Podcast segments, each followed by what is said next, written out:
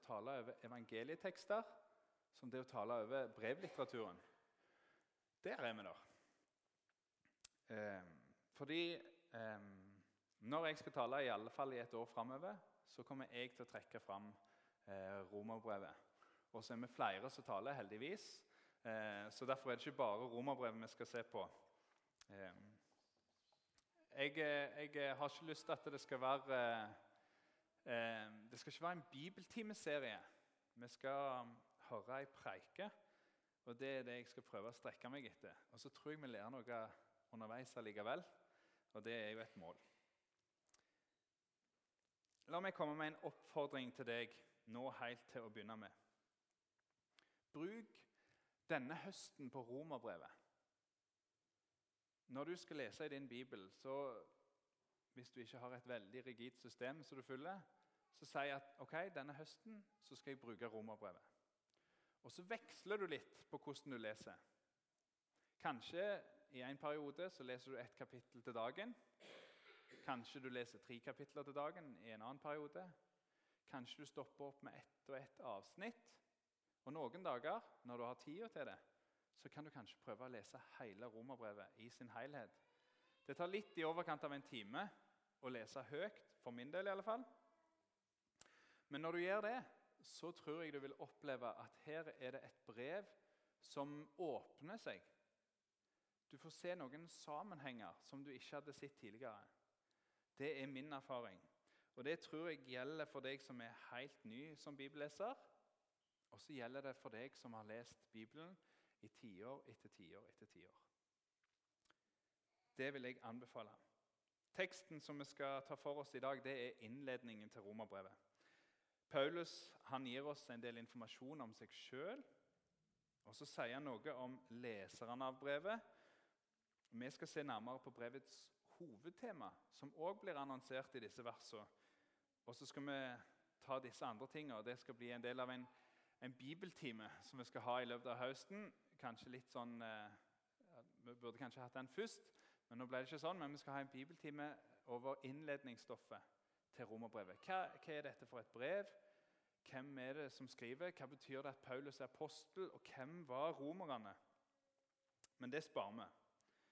Før vi leser teksten i lag, så skal vi samle oss og så skal vi be til Gud om at Han ved sin ånd må vise oss klarere hva Han vil si oss om sin sønn gjennom dette brevet.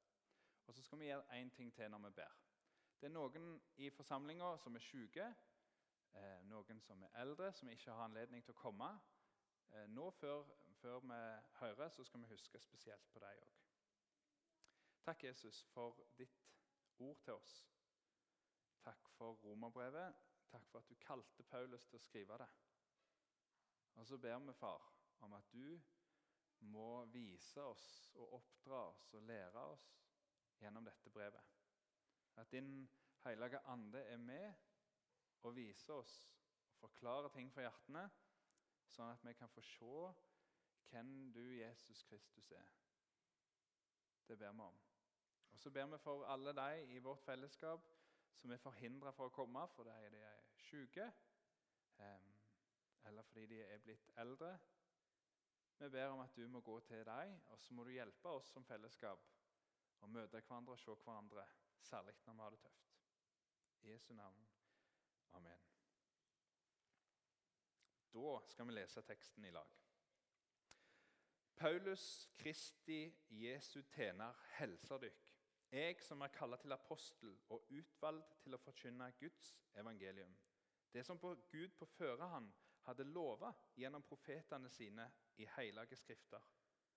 Det er evangeliet om Hans sønn, Jesus Kristus, vår Herre, kommet som menneske av Davids ett og stadfest ved, Gud, ved helligdoms ande som Guds mektige sønn ved oppstå fra de døde. Ved Han har jeg fått nåde og aposteltjeneste for å føre mennesker av alle folkeslag til lydnad i tru, til ære for Hans navn. Mellom dem er òg det som er kalla til å høre Jesus Kristus til. Jeg hilser dere alle i Roma. Det som er elska av Gud, det som vart kalla og er heilage. Nåde være med dykk og fred fra Gud vår Far og Herren Jesus Kristus. Som dere ser her, så kan vi si at det er tre hovedmomenter i denne innledningen. Paulus han sier noe om seg sjøl og si tjeneste. Og så sier han noe om evangeliet, de gode nyhetene. Og så sier han noe om de han skriver til, de kristne i Rom. Det første og det siste det sparer vi til denne innledningsbibeltimen.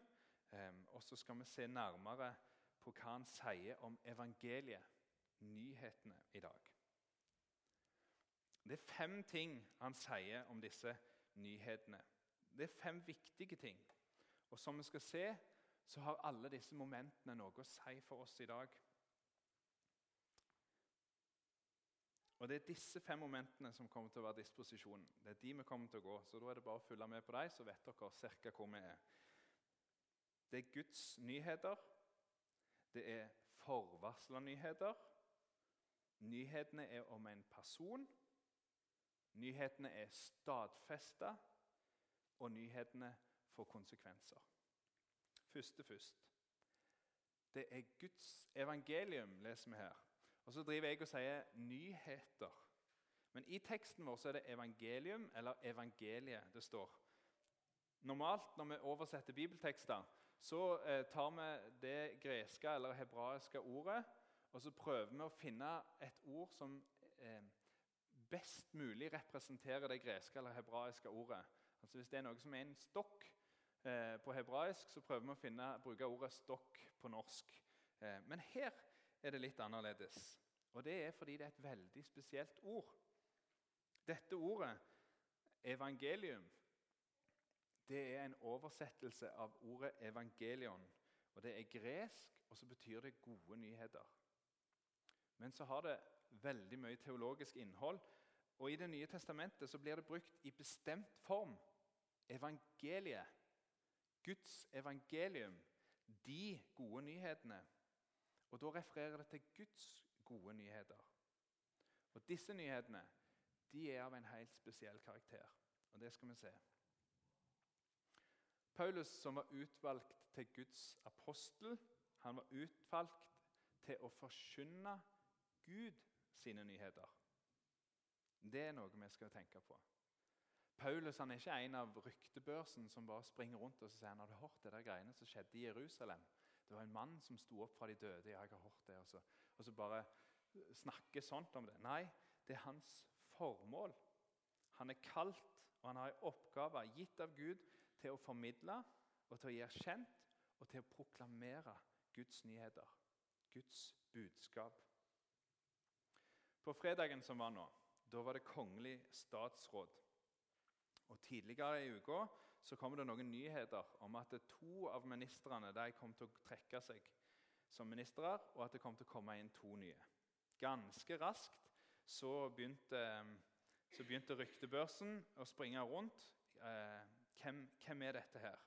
Eh, hvem kan det være? Eh, på fredag så kom nyhetene. Og da var det kongens nyheter. Da var det offisielt brakt til oss av selveste statsministeren. Det var offisielt, og det var viktig. Det var ikke bare disse spekulasjonene som media hadde hatt først. Og det er viktig. Når vi leser romerbrevet, som Paulus har skrevet, og når vi hører forkynnelse fra det, da er det Guds nyheter til oss. Det betyr at vi skal rette oss opp i ryggen. Det betyr at vi skal konsentrere oss. Og så skal vi lytte på en annen måte.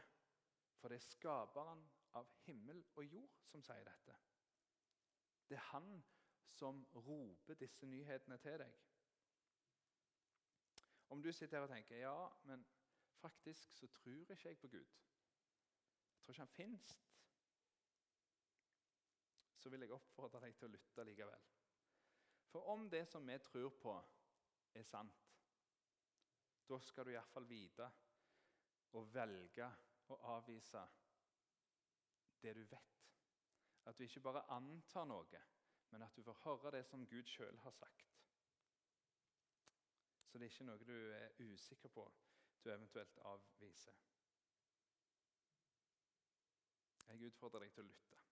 Og så sier faktisk Gud at det skjer noe med oss når vi hører disse nyhetene. Disse nyhetene de er forvarsla. Det var varsla i forkant at de skulle komme. At det kom til å bli et ministerskifte, det, det forsto vi. Og ryktebørsen spant ganske, ganske fort. Mer eller mindre kvalifiserte spekulasjoner. Selv om det var noen nye ting som vi fikk vite nå på fredag, så kom ikke disse endringene som noe overraskelse på oss.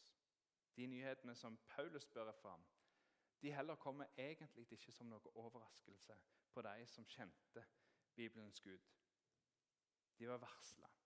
Hvis du leser i Det gamle testamentet, så kommer du til å se konturene av en skikkelse. En redningsmann, en Messias, som skal komme. De som leste Det gamle testamentet før Jesus, de må ha lurt veldig på hva er dette for en type. Når du ser de forskjellige tingene som er skrevet om han, så er det veldig vanskelig å klare å se hvordan, hvordan er han egentlig. Det er flere ting som peker på en profet, en konge, en frelser som skulle fri Israel. Men så ble det ikke sagt noe spesifikt tidspunkt.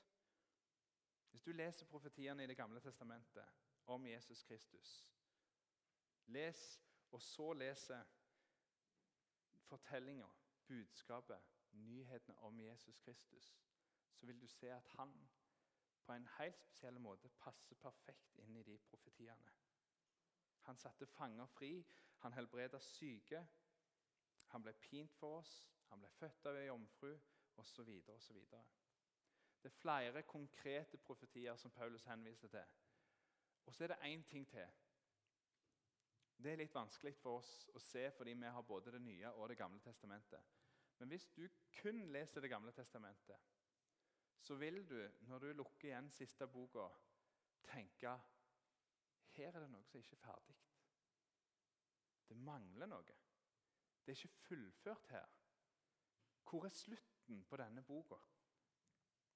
Og så er Jesus Kristus den løsninga på det problemet som vi finner beskrevet i Det gamle testamentet. Det var Guds plan hele tida. Han skulle komme. Og så ga han oss små varsler gjennom Det gamle testamentet. Varsler om Jesus Kristus. For Paulus sine nyheter de kretser rundt en person. De handler om Jesus Kristus og det som han har gjort. Det er evangeliet om hans sønn Jesus Kristus, vår Herre, kommet som menneske av Davids ett og stadfest ved helligdoms ande som Guds mektige sønn ved oppståa fra de døde. Guds egen sønn kom. Gud sjøl kom i Davids slekt. Gud kom nær. Han kom og besøkte oss. Han vandra iblant oss. Han var en av oss. Han viste oss hvem han er. Han viste oss hva det gode er. Han viste oss at han elsker oss. Han frelste oss, og han redda oss.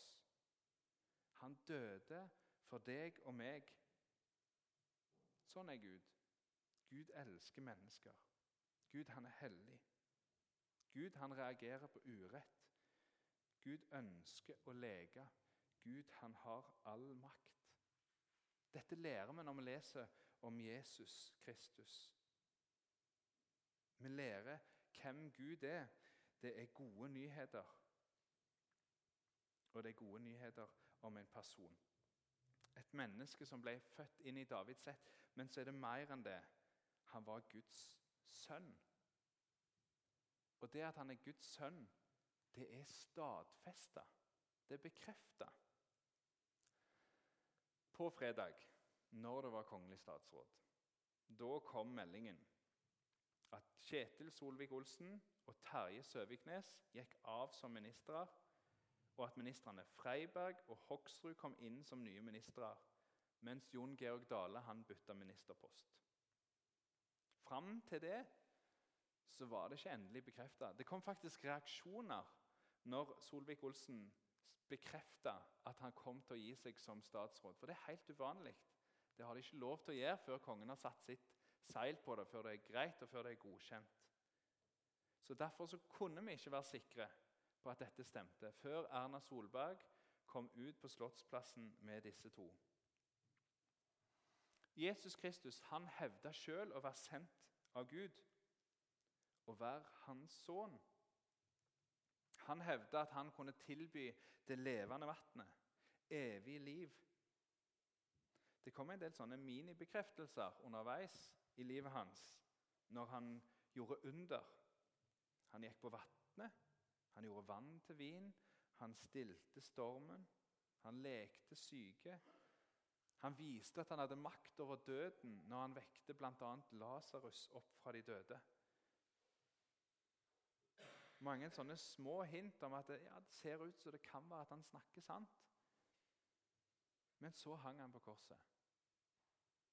Pint, slått, og så dør han der. Og dø, det var han i tre dager.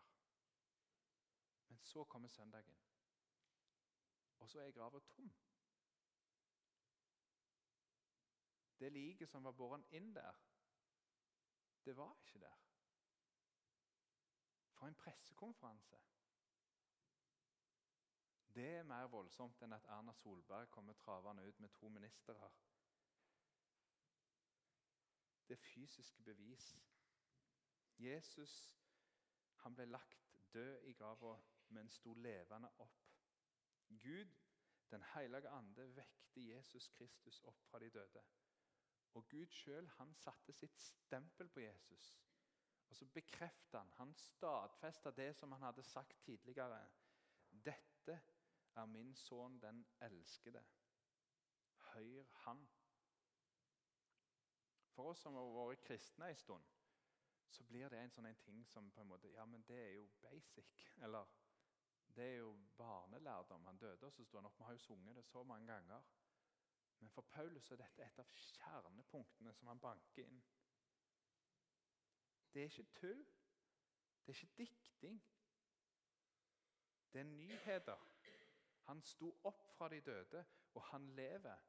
I Korinterbrevet, et annet brev som vi har i vår bibel, der skriver Paulus Først og fremst overgav jeg til dykk det som jeg sjøl hadde mottatt, at Kristus døde for syndene våre, som Skriftene har sagt, at han ble gravlagt, at han sto opp igjen tredje dagen, som Skriftene har sagt, og at han synte seg for Kefas og deretter de tolv. Så synte han seg for mer enn 500 søsken på én gang. De fleste av dem lever ennå, men noen har sovna inn. Siden synte han seg for Jakob, så for alle apostlene, og aller sist så synte han seg òg for meg, jeg som bare er et ufullbåret foster. Apostelen Paulus han opplever at Jesus åpenbarer seg for ham og kaller han til apostel etter sin himmelfart. Allikevel er det viktig for Paulus å vise at dette handler mer det handler om mer enn Paulus sin opplevelse. Jesus viste seg for Peter og de tolv, og etterpå for 500 mennesker på én gang. Og så legger han til de fleste av dem lever ennå. Og Så viste han seg for Jakob, og så for apostlene igjen. Kjære korintere. Om dere skulle tvile på dette, er det akkurat som Paulus sier. Så reis nå og spør, da. Det var 500 som så han, og de fleste av dem lever ennå. Paulus visste at han snakket sant. I Korinterbrevet så sier Paulus dette for innstendig forklare at vi som er kristne, vi som tror på Jesus, vi òg skal stå opp fra de døde en gang. Oppstandelsen fra de døde er helt ekte. Bare se på Jesus. Det er poenget til Paulus der. Her i Romerbrevet så er poenget hans. Jesus var den han sa han var. Det er stadfesta. Han var, og han er Guds sønn. Og når han er Guds sønn, når nyhetene handler om Gud sin egen sønn, da får nyhetene konsekvenser. Paulus han sier at hans kall, hans tjeneste som apostel, det er å lede mennesker av alle folkeslag til lydighet i tru og tillit. Til å høre Jesus Kristus til. Formuleringen 'til lydnad i tru' den er verdt å stoppe opp for. For dette er evangeliets de gode nyhetene sine konsekvenser. Men hva er lydnad i tru? Egentlig. Hvis du ser i noen andre oversettelser, så kan du se at det står troens lydighet. Og jo, Da blir du jo enda mindre klok på hva det egentlig betyr. Men troens lydighet det ligger tettere opp til sånn som det står på gresk. Og Det åpner opp, og det kan bety litt flere ting. Det kan bety den lydigheten som kommer av troa. Det kan bety en lydighet til tro, altså at du er lydig og begynner å tro. Det kan bety lydighet mot troa, som at troen er en læresetning, en regel, som du er lydig mot. For de av dere som ikke er særlig begeistra for grammatikk, så, så, blir dette kverulering vi holder på å snakke om nå. og det, det kan jeg forstå. Men dette har faktisk noe å si. Det er ganske store forskjeller innenfor her. Og akkurat her, om det var bare denne formuleringen, troens lydighet, vi hadde, så kunne vi ikke sagt akkurat hvilken av disse det er. Da hadde det vært vanskelig å si hvilken oversettelse som er rett. Men så har vi resten av romerbrevet. Og så har vi en hel bibel. Og Den mener jeg hjelper oss til å forstå det som en type lydighet som både kommer av og er definert av tro og tillit. Når vi får tillit til disse nyhetene, når vi forstår dem, når vi skjønner evangeliet, da skapes det et ønske og et kall i oss. Vi vil høre Jesus Kristus til, og så vil vi følge ham. Guds evangelium, hans nyheter, det er som en kjærlighetserklæring fra en ektefelle eller fra en i familien eller en venn. Disse nyhetene de har ikke bare til hensikt å orientere deg om noe. Sånn nå, nå, 'Dette skjedde, nå vet du det.' Nei, det er noe mer. For de nyhetene de skaper noe når det blir sagt. Når du med dine ord sier til en person 'Jeg er glad i deg', eller når du sier 'Jeg elsker deg', da er det ikke bare en orientering. Av og til kan det være det òg. 'Jeg er glad i deg', bare så du vet det. Men det er ikke bare en orientering. Du, du ønsker å gjøre noe med de nyhetene der. Du ønsker å nære opp om gode følelser. Du ønsker kanskje å lege vonde sår. Du har lyst til å gi nytt mot. Du har lyst til å proklamere noe godt for den du sier det til. Sånn er det òg med evangeliet. De gode nyhetene. Nyhetene om at Jesus Kristus, som kom som menneske for 2000 år siden, han som ble korsfesta og døde for å ta vår skyld på seg, han er oppstått, og han er stadfesta at han er Guds veldige sønn. Den nyheten, det budskapet, sendte Gud Paulus ut for å forkynne. Og han har kalt meg og deg og mange andre til å rope det videre. Og i dag så får du høre det her. Gud roper det til deg for at du skal vite at du er elsket av Gud på en sånn en måte at du pga. Jesus Kristus kan få leve evig og aldri gå fortapt. Det sier han til deg. Og Så sier han det for å nære kjenslene dine. Han sier det for å gi deg en fri samvittighet. Jeg er ren i Kristus. Han sier det for å lege noen vonde sår. Han sier det for å gi nytt mot. Og dette, når han sier det til oss, så fører det til tru og tillit som kan ja, og det igjen fører til en lydighet. Til ære for hans navn, står det. Av Guds nåde og til Guds ære. Nyhetene de får konsekvenser. Og det annonserer Paulus helt innledningsvis. På en litt enkel måte så kan vi si at i evangeliene, i Matteus, Markus, Lukas og Johannes, i de bøkene i Bibelen, så leser vi nyhetene om Jesus. Vi møter han, og så ser vi hvem han er, og hva han har gjort. Og så ligger disse, denne nyheten, hele denne pakken, ligger til grunn for romerbrevet. Og så ønsker Paulus gjennom romerbrevet å forklare. Han vil trekke oss på en måte som han vil trekke oss nær til seg, og så vil han si Se her. Se nå hva disse nyhetene betyr inn i ditt liv, inn i din hverdag.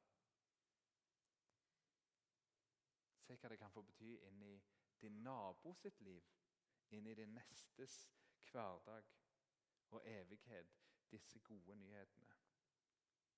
Og Derfor er det med god grunn at vi stopper opp, at vi bruker tid på å lese og forstå disse nyhetene her i forsamlinga.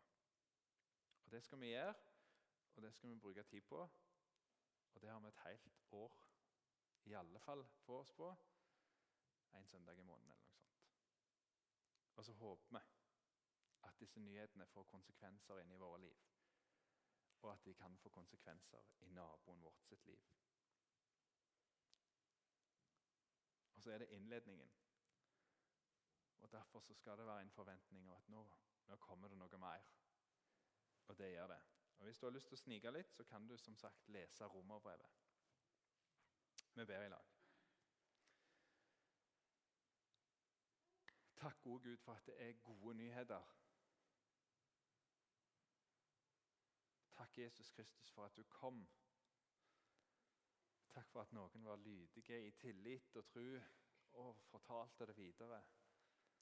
Sånn at vi her, så lenge seinere, på en plass som Paulus ikke ante fantes, får høre dem. Og så vet vi hvem du er av den grunn. Ber Jesus om at du må være med oss i uka som ligger foran oss, at vi får bruke tid på disse gode nyhetene. I Jesu navn.